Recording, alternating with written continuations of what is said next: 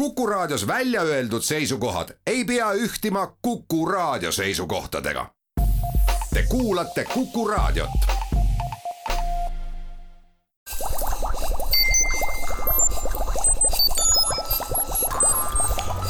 Kuku Õun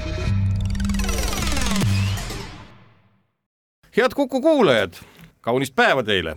täna läheb meie jutt väga magusaks ja mitte ainult magusaks, vaid ka funktsionaalseks. nimelt juhtus selline asi, et äh, nädalapäevad tagasi avas Peedul mikrobioloogi haridusega Jaan Haabist sellise huvitava asja nagu šokolaadilabori.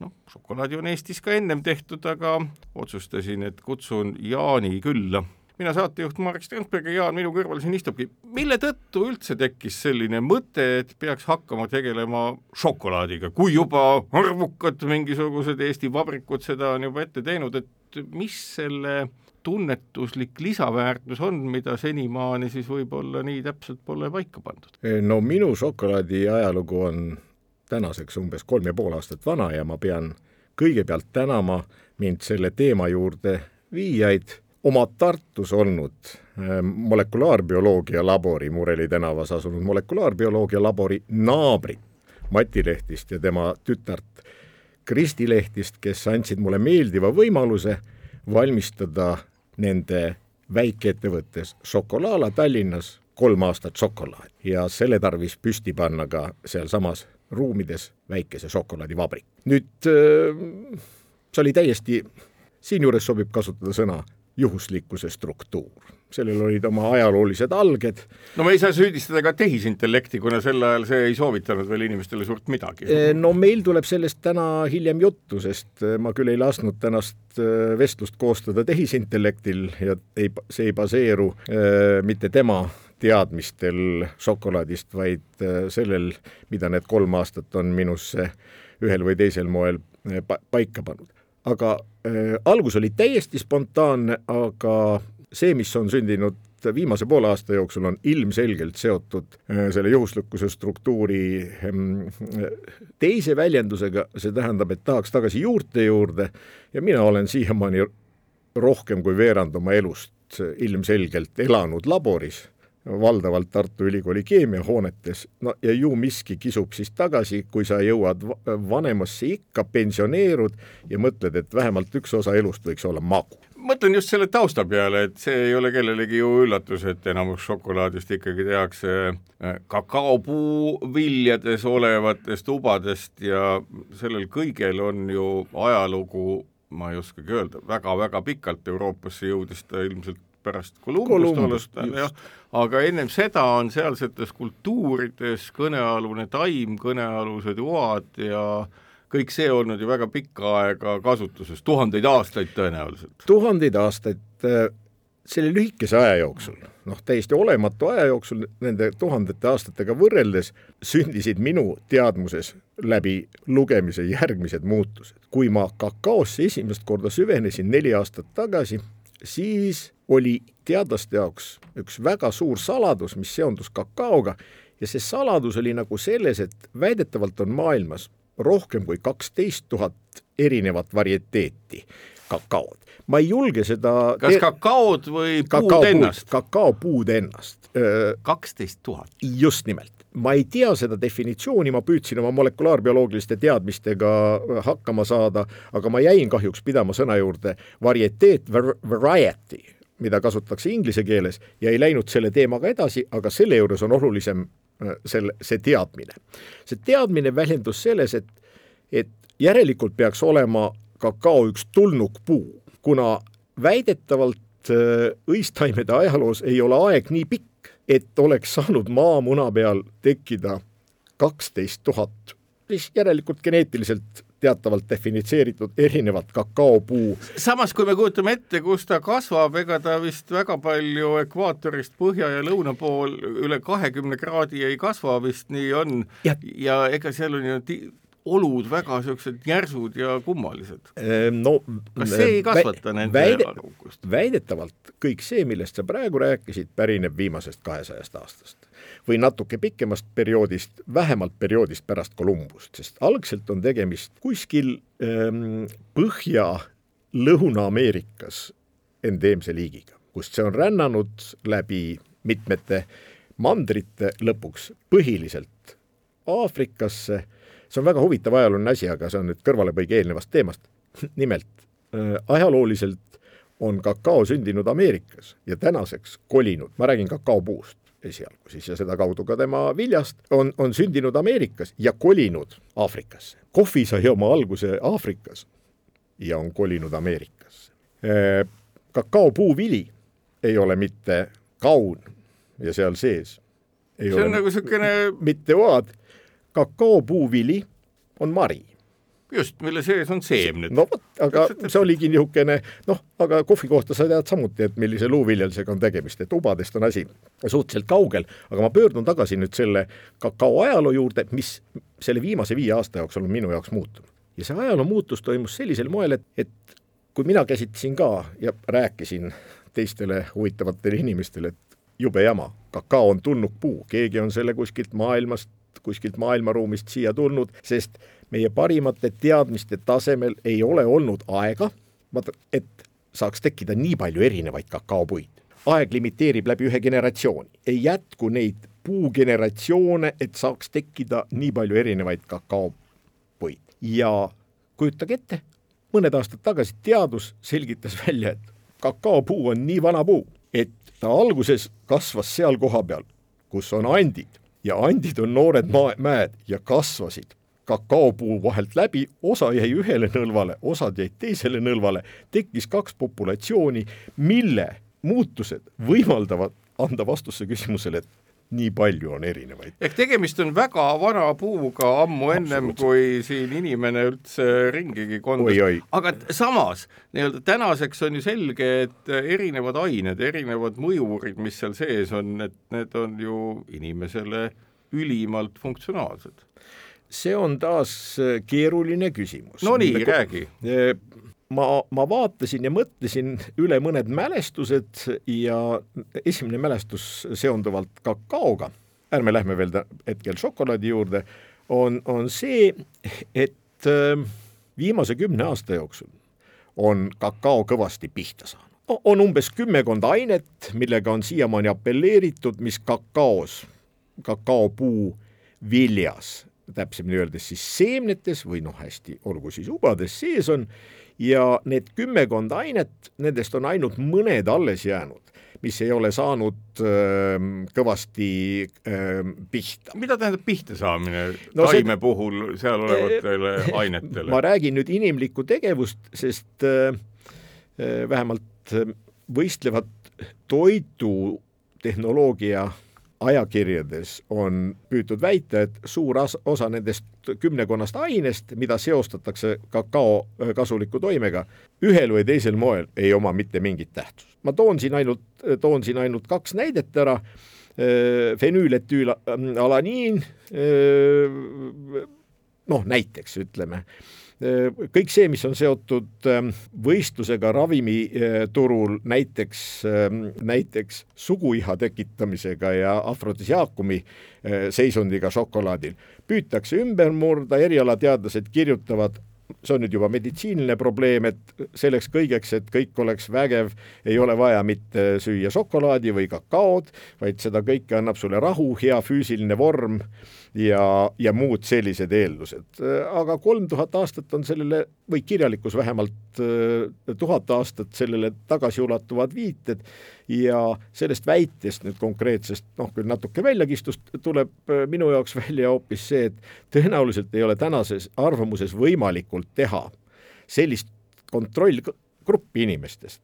kes ei oleks kes ei oleks stressis, ei, teiselt poolt, kes ei oleks stressis, keda kiire maailm ehm, sunnib tarvitama sageli teisi vahendeid kui kakaod, selleks et lõõgastuda midagi eh, sellist, kes ei ole, ehm, kellel ei ole aega läheduseks, eh, et olla potentsikam, tugevam, meil ei ole sellist kontrollgruppi võimalik teha, sest selliseid inimesi enam ei ole, ma arvan, et kakaol on kõik need toimed olemas, kuna neid on kirjeldatud aastatuhandeid, ainult et nüüd ei ole selliseid inimesi, kellel oleks aega kellel oleks hea füüsiline vorm noh, need on üksteist peaaegu välistuvad ju noh, asjad.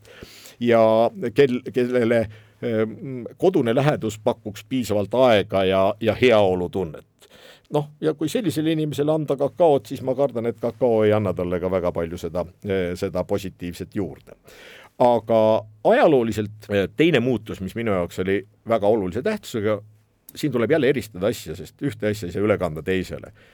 Räägitakse, alguses räägiti, kui mina neli aastat seda tagasi tegema hakkasin, räägiti šokolaadi kolme tuhandest aastasest, kolme tuhande aastasest ajaloost, siis nüüd tänu Ohio arheoloogide põhjalikule uurimisele võib selle tõsta juba viie tuhande aasta tagusesse. šokolaadi? ei, nüüd ma tahangi selle täpsustuse teha. loomulikult on juttu kakaost, aga kes midagi müüb, tahab ju näidata ka selle väga pikka ajaloolist väärtust eks šokolaad ikkagi kui selline kompleksne toode, millel on üks osa kakaoube kasutuses, mida on röstitud ja töödeldud, see on ikkagi suhteliselt hiline nähtus. nüüd minnes päris täpseks, mul on hea öelda sulle eriala äh, lähedal seisva isikuna, et kuni aastani tuhat, tuhat kaheksasada kakskümmend seitse oli äh, kakao valdavalt vedev vedeltoode kakaojoogina mille põhjas oli suhteliselt jämedakoeline purustatud kakao.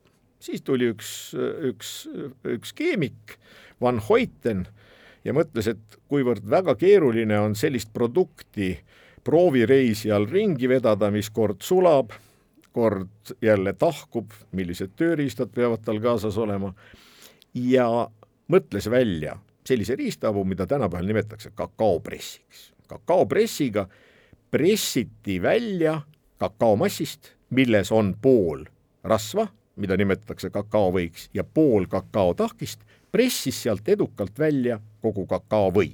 siis sündis kakao tänapäevases mõistes. jahvatatud selline pulbriline ollus, mis on siis osaliselt rasvatustatud. Muidu see ei oleks sellisel moel äh, tarbitav äh, nagu, nagu tänasel päeval. ja siis läks veel paarkümmend aastat mööda ma ei tea seda ja vaevalt, et sinagi suudad selle mm, välja pakkuda, aga võib-olla suudad, kui sündis šokolaad tänase päeva mõttes. seda ma ei suuda, aga siinkohal teeme saatesse väikse pausi ja kuulake meid pärast vaheaega edasi, kui me räägime oma magusaid jutte taas.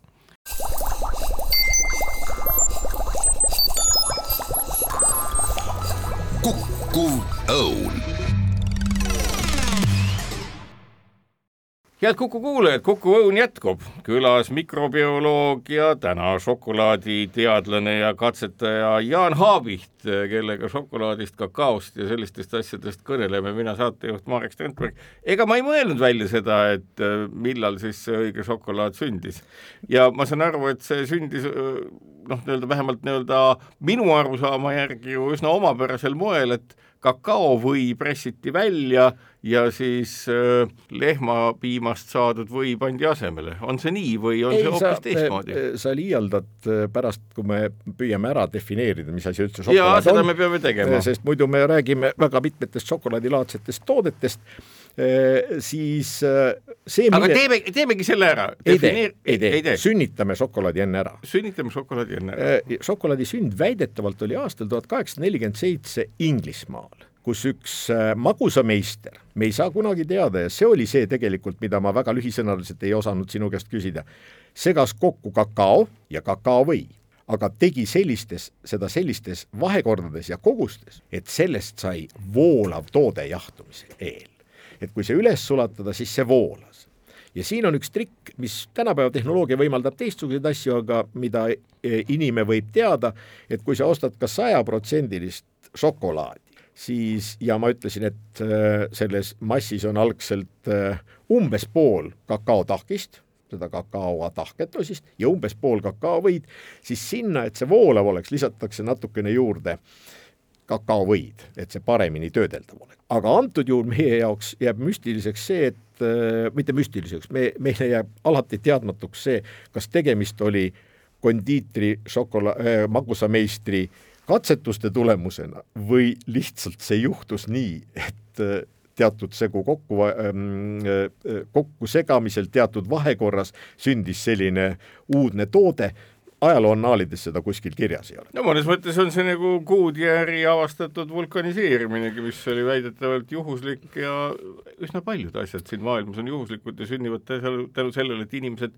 kompavad, mudivad ja uurivad asju. no mm, üks fakt siis enne seda, kui me läheme rääkima ja hakkame rääkima, mis asi siis tegelikult šokolaad on. see fakt tuleb siis selle kohta, kuidas Šveitsis sündis äh, üheksateistkümnenda sajandi lõpus piimašokolaad. see piimapulber, mis šokolaadi sisse sattus, osaliselt ka täna segastel asjaoludel, aga väidetavalt tuli selleks kellelgi väga hea idee, oli esimene mitte piimaga oma lapsi toitvate emade jaoks Šveitsis toodetud piimapulber, mis oli mõeldud tegelikult selleks, et seda lastele piimaks teha.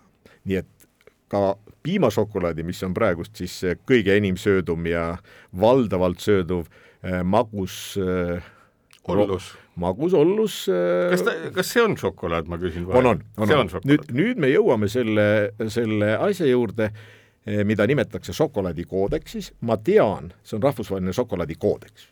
see räägib sellest, mis on šokolaad ja kuidas äh, šokolaadid on koostise kaudu jaotatud.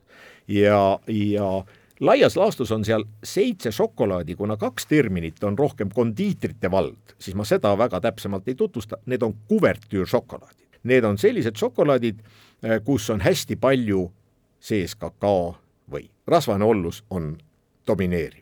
kui aga nüüd teha ära see lühikokkuvõte, mis siis šokolaadid on, siis ma arvan, et nii mõnegi jaoks on siin üsna palju üllatust, ma ütlen teile muidugi kohe ära, et, et šokolaadis eh, oleva kakao hulganõuded ei ole eriti kõrged. nii et äh, esimene asi, mis on šokolaadikoodeksis, on toode või vabandust, on siis niisugune tore asi nagu šokolaad.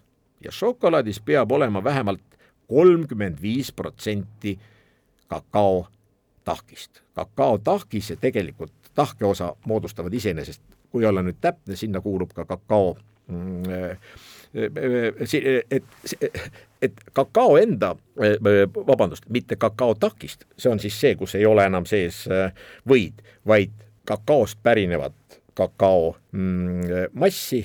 mis võib olla nii rasv kui ei, uba. ei, ei, ei, ei, ei, ei, millest vähemalt kaheksateist protsenti ehk napp enamus peab olema kakaovõi. aga nagu ma ütlesin, see on juba tehnoloogiline nõue, muidu see asi ei kipu hästi voolama kui palju üldse on nagu erinevaid noh, maid ju, kus kakaoube tuleb, et neid on ju Ameerikas ja ja jätkuvalt ka siin äh, Aafrika kandis üsna palju. no Indoneesia et, tuleb sinna veel juurde. ja, ja Indoneesia kõik, veel ja. lisaks, et kas nendel maitsetel on ka võimalik vahet teha? no kui me läheme nüüd selle juurde tagasi, siis tehnoloogia dedutseerib kõik äh, selleks kakaotahkiseks, kakaovõiks ja siis sinna juurde pandavateks lisanditeks. no lähemale minnes ärme lähme keemiliseks, aga lähme lihtsalt niisuguse primitiivse maitseomaduste järgi. põhiliselt kolm kasutatavat kakaosorti on, mida tehnoloogiliselt kasutatakse, neid sorte on palju-palju rohkem ja need maitsed on väga-väga erinevad kui ma julgen öelda välja järgmise tõe, mille peale veiniaustajad ei peaks mitte pahandama ja see tõde on siis selles, et väidetavalt umbes kolmkümmend molekuli annavad meile kõik veinimaitse, aga umbes kolmsada erinevat molekuli annavad meile kakaomaitse ja nagu veini puhulgi, sõltub see kasvukohast, kõrgusest, mineraalidest, pinnasest, kus nad kasvavad, aga ainult üksainuke vahe on. veini puhul jääb sellest lõpp-produkti suhteliselt vähe alles. kakao puhul jääb see kõik alles. aga lähme tagasi nüüd selle jaotuse juurde, mis, mis, mis on, mis on hästi huvitav, selles kakao tüüpide jaotuses on kaks väga huvitavat kategooriat, esimene tuleb teine, teieni nüüd mm, praegu ja ma avaldan siis kohe ära, äh, milleks sellised huvitavad kategooriad, väidetavalt on need tehtud Ameerika jaoks. kui ma ütlen, et äh, šokolaadile järgnev kategooria on magusšokolaad, siis seal ei pea enam olema kolmkümmend viis protsenti kakaod, seal piisab kolmekümnest protsendist kakaost. noh, muu osa on ikkagi valdavalt magus. nii et nagu te näete, on, on šokolaadile mm, esitatavad nõuded, kakaosisaldused, suhtelt, suhteliselt kesised. et on olemas tume šokolaad. ei ole koodeksis kuskil kirjas, on kirjas ääremärkusena, et seda võib nimetada mõrušokolaadiks, kui on rohkem kakaot selles ja vähem magusainet, aga sellist kategooriat nagu tume šokolaad olemas ei ole see annab ka tootjatele väga vabad käed nimetada tumedaks šokolaadiks ka näiteks neljakümne ühe protsendilist kakaosisaldusega šokolaadi, no mis on ju kolmekümne viie protsendi suhtes suhteliselt oluliselt teistmoodi. ning me sinna täna ei jõua, aga kasutada šokolaadile tooni andmiseks, tumeda tooni andmiseks ja see sedakaudu teatud sihtgrupile jõudmiseks ka tumendavaid aineid, mitte tumeainet, aga tumendavaid aineid tumendavaid aineid. Paigas oli siis esimesed kaks kategooriat, kolmas šokolaadi kategooria on see enim tarvitatud piimašokolaad, piimašokolaadis peab ainult, piisab ainult sellest, kui seal on veerand ehk kakskümmend viis protsenti kakaoollust sees. ära on defineeritud ka palju seal. Piima peab vähemalt olema, sõltuvalt maadest kaksteist kuni neliteist protsenti, jutt on siis kuivainest, piimapulbrist, eks ju, mitte, mitte piimast ennast, sest kaks asja ei sobi mitte kokku, need on vesi lahustavad asjad ja lahused ja šokolaad, sest sellest ei tule kohe üldse midagi välja. järgmine on taas Ameerika kategooria, mis on, mis on perepiimašokolaad. seal peab kakao tulema ainult kakskümmend protsenti ja, ja need on need suhteliselt hallid tahvlid, mida mina ka olen teisel pool ookeani näinud. et võib-olla on selle kõige taga ka osakene seda, miks äh, see manner seal kohati väga palju ülekaalulisuse all kannatab. Mis siis ülejäänu on piim ja suhkur valdavalt ja,? jah, jah, ja siis tuleb piirimail asuv toode, väidetakse ühelt poolt need, kes tahavad seda müüa, et tegemist on šokolaadiga, see on valge šokolaad mis on šokolaadide peres väidetavalt kõige noorem toode, sai šokolaadiks alles kahe tuhande teisel aastal. kas temale on lihtsalt näidatud kakaoba kaugelt? Jaa, temal on näidatud seda osa, mida Van Hoyten äh, kakaoast välja pressis. Äh, ja temal on esitatud üks konkreetne nõudmine, valges šokolaadis peab olema vähemalt kaka-, äh, kakskümmend protsenti kakaovõid aga ma nüüd teen ühe täpsustuse veel. Ehm, see ei ole koodeksis kirjas kui šokolaad, vaid selle nimetus on other chocolate products, teised šokolaaditooted. Nii et noh, me jääme ikkagi klassikalises mõttes ähm, šokolaadi juurde, piimašokolaadi juurde. nii et su-, aga ma juba enne ütlesin, et see koodeks praegu ka muutub, sest tehnoloogiad, kasutusalad ju püüavad selle šokolaadi sisse toppida ükskõik mida, et see kõik oleks šokolaad, kuigi väga suures osas on tänapäeval tegemist juba šokolaadilaadsete toodetega siinkohal teen väikse pausi saatesse ja räägime magusa juttu Jaan Haabihtiga edasi pärast vaheaega.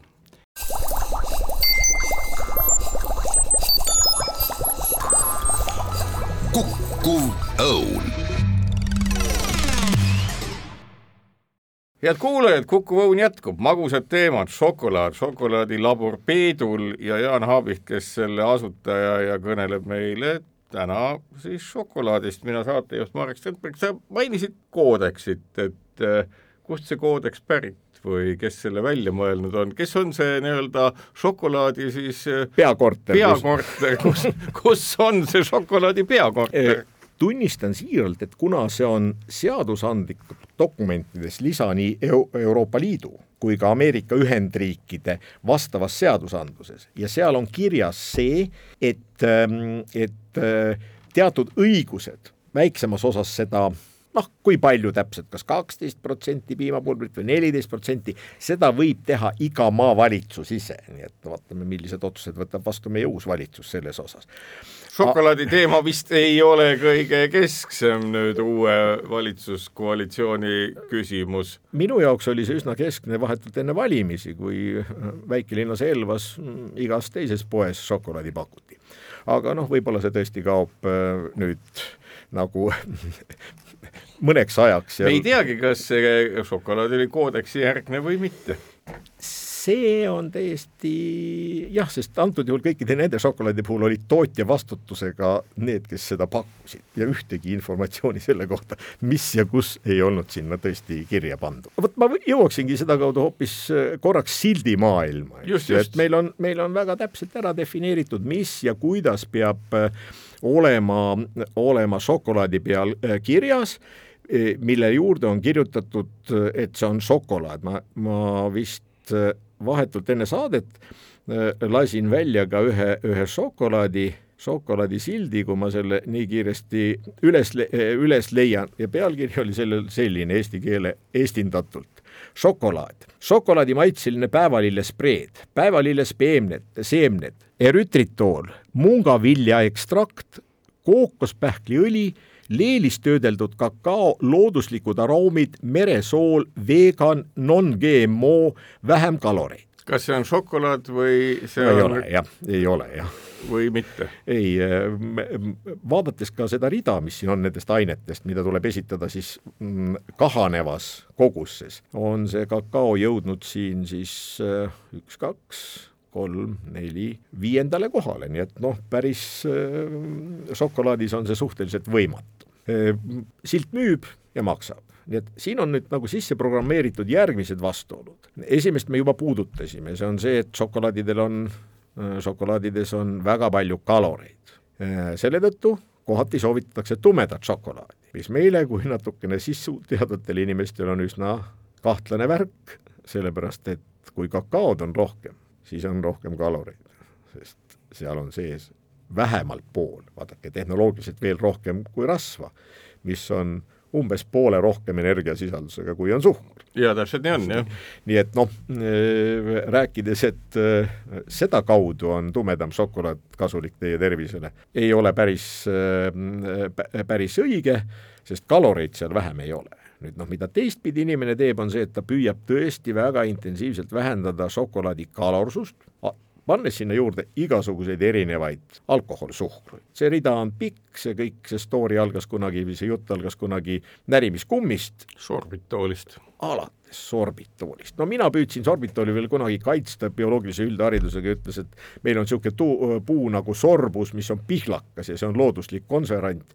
ja see on teatavas piiris õige, aga kui seda on kondiitritootes mitte nii nagu sorbuses üks protsent, vaid kümme no siis see konserveerib ikkagi liiga palju.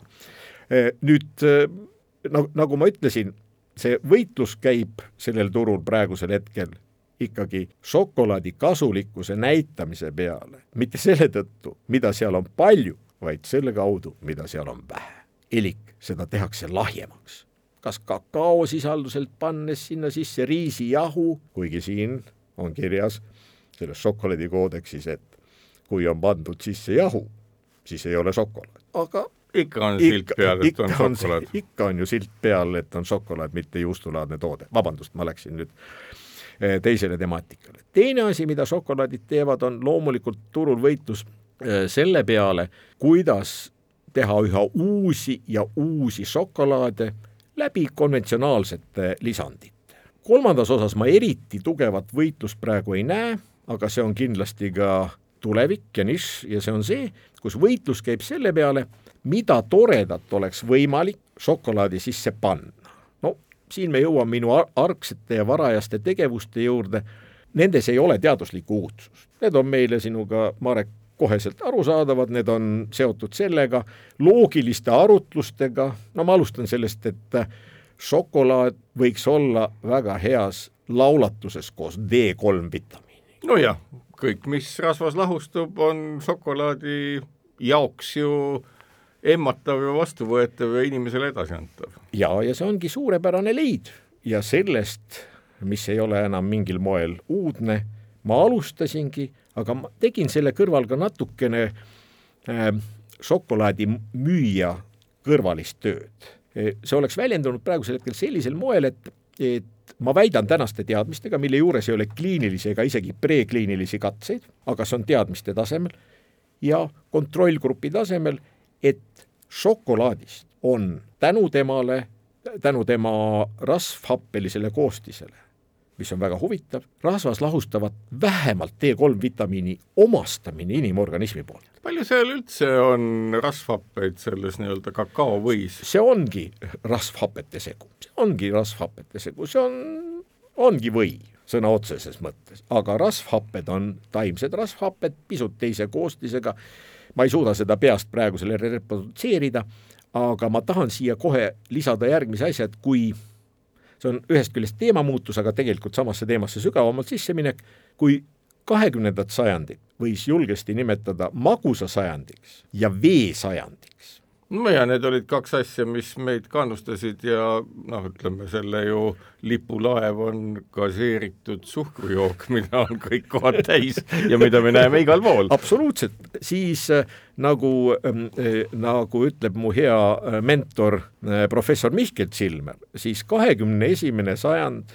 on loodetavasti ka toitumisharjumuses rohkem rasva kui veesajand. ma just mõtlen seda, et seesama šokolaadi temaatika, mis siit läbi kostub, on ikkagi see, et tegemist ei ole ikkagi sellise nii-öelda noh, ütleme laia tarbetootega nagu mingi morst leiva peal, et tegemist on ikkagi sellise peene värgiga, mida täpsemalt tempides ja sättides ja peenhäälestades me saaksime inimorganismi, kujutan ma su jutu peale ette, viia kõike, mida oluline, palju tõhusamalt kohale kui seni näiteks nii-öelda kapslite sees tablette kugistades. absoluutselt, no nagu ütles mu üks mu hea teine, teise planeedi poolt äh, pärit äh, mentor, ähm, viie aasta pärast või hiljemalt kümne aasta pärast sööb kogu maailm ainult funktsionaalset toitu ja ütles mulle tiivustuseks, et šokolaadil on, šokolaad on kindel kandidaat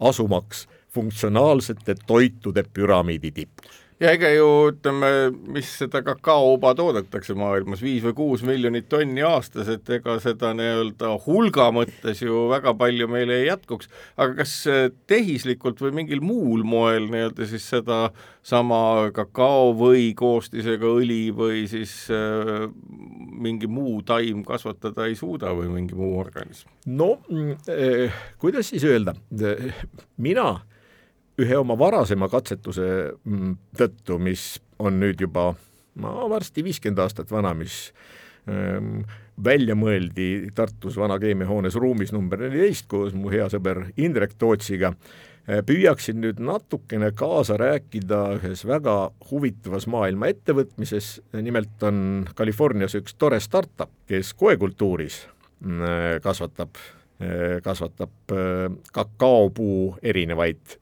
rakke ja kakaovilja, erinevaid rakke. isegi nii? no nii, nemad, aga ma ei suuda täna olla objektiivne inimene ütlemaks, kui palju sellest on seda, nagu me rääkisime, mm, meie jutt tuleb nagu erinevatel teadustasemetel, tuleb meediast, tuleb, mm, tuleb molekulaarbioloogiast, ma ei tea, praegust ei ole saanud nende käest sellist vastust, kui palju selles on maailma päästmist, millest sa oma juttu just alustasid, et meil on ainult niisugune kakaopuude ressurss ja kui keegi saaks aru, et ühe kakaopuu viljadest ühel saab teha paar kilo šokolaadi, siis te kujutate ette, kui palju peab olema kakaopuid, et ära mm, rõõmsalt rahuldada kogu maailma kakao ja šokolaadi vajadus. see nii on, jah ja, ja sestap ähm, on väga tore hakata kakaod ähm, kasvatama koekultuuris. Äh, olgem siis täpsed, sellist aineste segu, mida mm, kakaouad või siis seemned produtseerivad. selles suhtes ollakse suhteliselt toredas kauguses, on üleval juba pildid kõik sellest, aga neil on üks ainukene probleem, mis sa arvad, mis see probleem on? ei kujuta ette, hind tõenäoliselt oletan jätame ma... selle kõrvale, tänapäeval on raha ju nii palju. Neil no. on üks ainukene probleem, see probleem on neil mm, maitse ei ole veel hea. Kõik muu tuleb juba hästi välja, aga maitse ei tule. aga nagu te näete, on võimalik panna igasuguseid lisandeid ja selle tõttu on see väga hea, miks ma rääkisin sellest kakao potentsiaalist kui supertoidust, siis Äh, siis äh, varajases laboripõlves, oma esimeses laboris, kus ma töötasin, oli, oli mul oma hea kolleegiga suur unistus panna, mm, panna kurgi sisse soolataluvuse geen.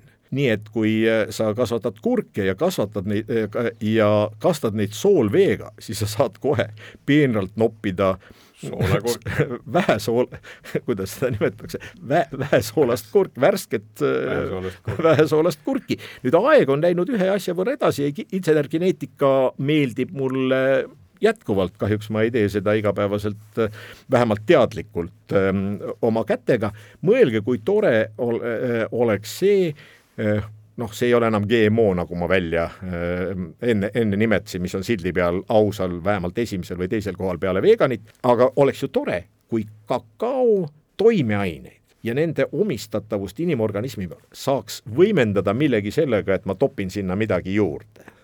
Kakaogenoomi sisse topin midagi juurde ja saan veel vingema funktsionaalse toidu. no ma tõenäoliselt ei jõua seda teha, aga mul oleks vähemalt selline unistus eh, sellel päeval. ja teine asi, see, mida mina praegu teen, mõtleb niipidi, kakao sisse on pandud, täpsemini öeldes, lähme tagasi šokolaadi juurde. šokolaadi sisse on pandud igasuguseid asju, imelisi asju, üks ühe Tšehhi tootja šokolaad, kui ma lugesin kokku, sisaldas kaheksateist komponenti, lisakomponenti.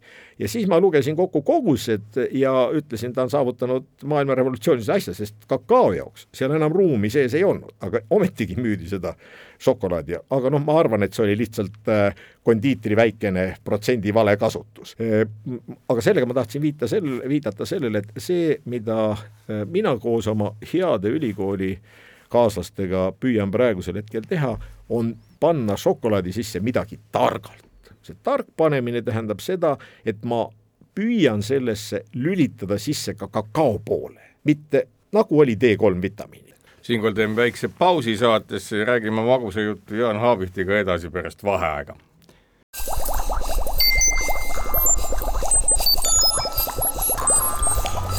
kukkuv õun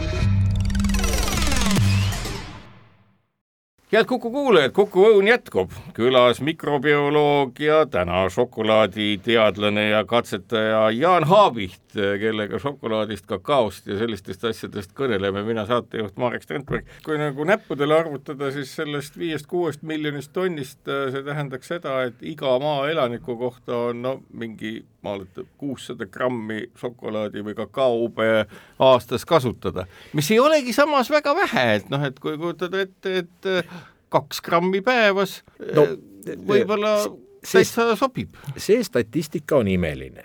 me saime just äsja teada, et umbes kolmandik peab olema kakaod, et see oleks piimašokolaad, mis on väga hästi ju meil äh, kõige enam müüdum šokolaad ja, ja kõiki laste ja, ja paljude teistegi lemmik. nüüd, kui sa seda tagasi hakkad arvutama ja me räägime šokolaadist ja ütleme siis seal, et, et kui äh, me jõuame kakaost nüüd šokolaadini, siis selles kakao arvestuses võid sa rahulikult vähemalt viis korda lahjendada neid koguseid, nii et noh, see ei ole kaks grammi, see statistika on erinev ja statistika, mida avaldatakse, ei ole mitte kakaopõhine, vaid on näiteks šokolaadipõhine, millest tuleb välja, et äh, no need on aastati erinevad, see on Eurostati koostatud, ameeriklased väidavad, et nad söövad rohkem šokolaadi, aga meie saame ju praegust juba aru, et nad söövadki rohkem šokolaadi, sest see on ju lahjem. Nad ei söö rohkem kakao. me näeme seda isegi. no isegi võib seda kohati näha olla. ja, ja, ja selles osas võib minu poolt äh, lõpetuseks öelda, et, äh, et ma arvan, et seda kakaot toodetakse rohkem ma millegipärast arvan oma tagasiarvestuses ja me ei tea, kust need numbrid tekivad. väidetavalt ühe Eurostati andmete järgi on näiteks Eesti maailmas šokolaadi tarbimiselt tõusnud kolmandale kohale. šokolaad on ainult rikaste riikide osa. aga kui tuleme nüüd nende samade funktsionaalsete lisandite juurde, lisaks veel nii-öelda rasvhapped, D-vitamiini komponendid ja kõik muu, mida me sinna veel oskaksime panna, et seda funktsionaalsust kasvatada? ma mm, alustan tagantotsast. ma ei tea täpseid koguseid ja kindlasti sõltub see, nagu ma ütlesin, kasvukohast. selles nimistus, selles kümnes ainelises nimistus on magneesium, tsink ja raud. ma ei ole näinud väga sügavaid teaduslikke uuringuid selles suhtes ja tahan kõiki hoiatada selliste poole peal olevate kirjutiste suhtes, noh, kuskil nii-öelda populaarteaduslike äh, kirjutiste suhtes, sest äh, umbes kolm aastat tagasi teatati mulle, et minu tegevus on mõttetu D3 vitamiini äh, šokolaadi sissepanekul. ja tead, mis põhjusel? sellel põhjusel, et on leitud, et šokolaadis, täpsemini öeldes kakaos, on nii palju D3 vitamiini, et seda jagub ka sulle kui ravimdoosis mis siis juhtus, mis selle taga oli, nüüd räägib jälle taas mikrobioloog. juhtus see, et keegi tegi analüüsi kakaoubadele ja nägi, et seal on jube palju D3 vitamiini eellast. täpsemal uuringul selgus, et tegemist oli seentega, mis fermenteerisid kakaouba ja mis toodavad ühe olulise metaboliidina D3 vitamiini eelast. nii et kakaos seda olulisel määral ei ole. et ma olin täitsa selle juures, kui hakati muutma ettekujutusi kakao koostisest, et kakao ja ilmusid juba esimesed šokolaadid, mis ütlesid, et kakao on D3 vitamiini rikas. saate aru, ma mõtlen silmas, et kõiki asju ei maksa uskuda, vaid tuleb aga ikkagi, kui ütled, et nagu kahekümne esimene sajand, funktsionaalsete rasvade sajand, et kas see siis nagu Zilmeri väide, et selle taust on siis selles, et tõepoolest me peaksime nagu läbimõtlevamalt noh, ka planeeti säästvamalt siis pakendamagi väga paljusid asju just no piltlikult öeldes rasvavektorite peale ja nendega ennast turgutama, selle asemel, et tohutus ülekulus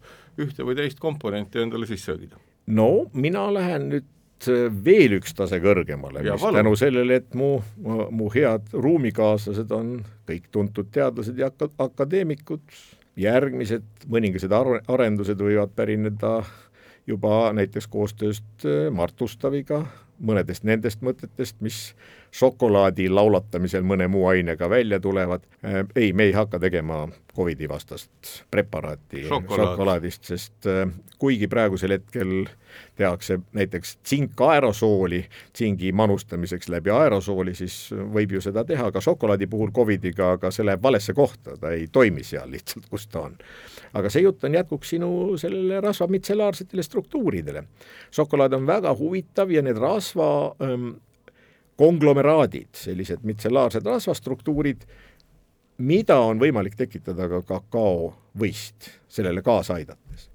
läbivad sinu seedetrakti ja oletame, et kõige lihtsamas skeemis sul on olemas näiteks, sul on olemas, mitte ei ole olemas, vaid sul on kõhuviirus ja, ja sa pakendad, pakendad šokolaadi, kakao või siis ära antikehad ja kuna teatavasti rasv sul alles sooltes lagunemiseni jõuab, siis seal nad rõõmsalt saavad hakata selle viirusega tegelema. kui tavalisel moel manustades äh, happe teeb nendega maos juba üks-null ja kümme-null.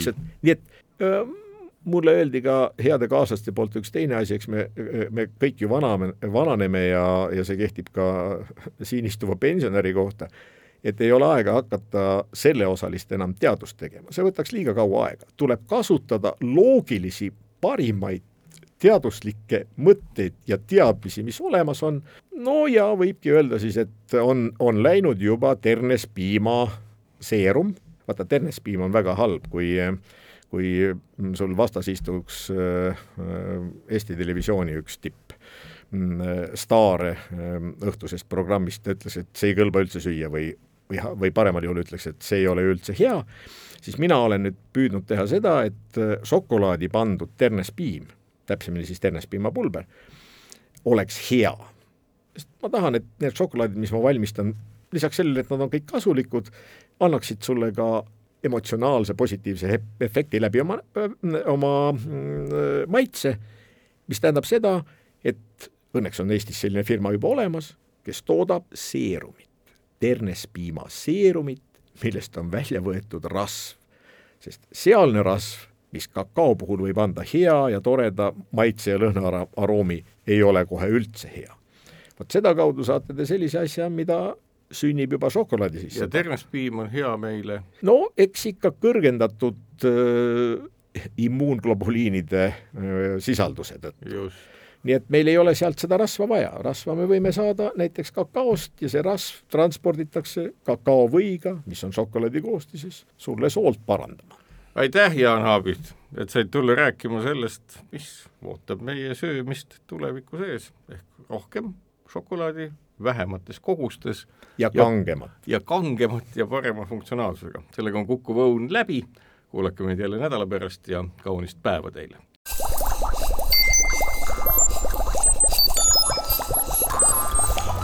kukkuv õun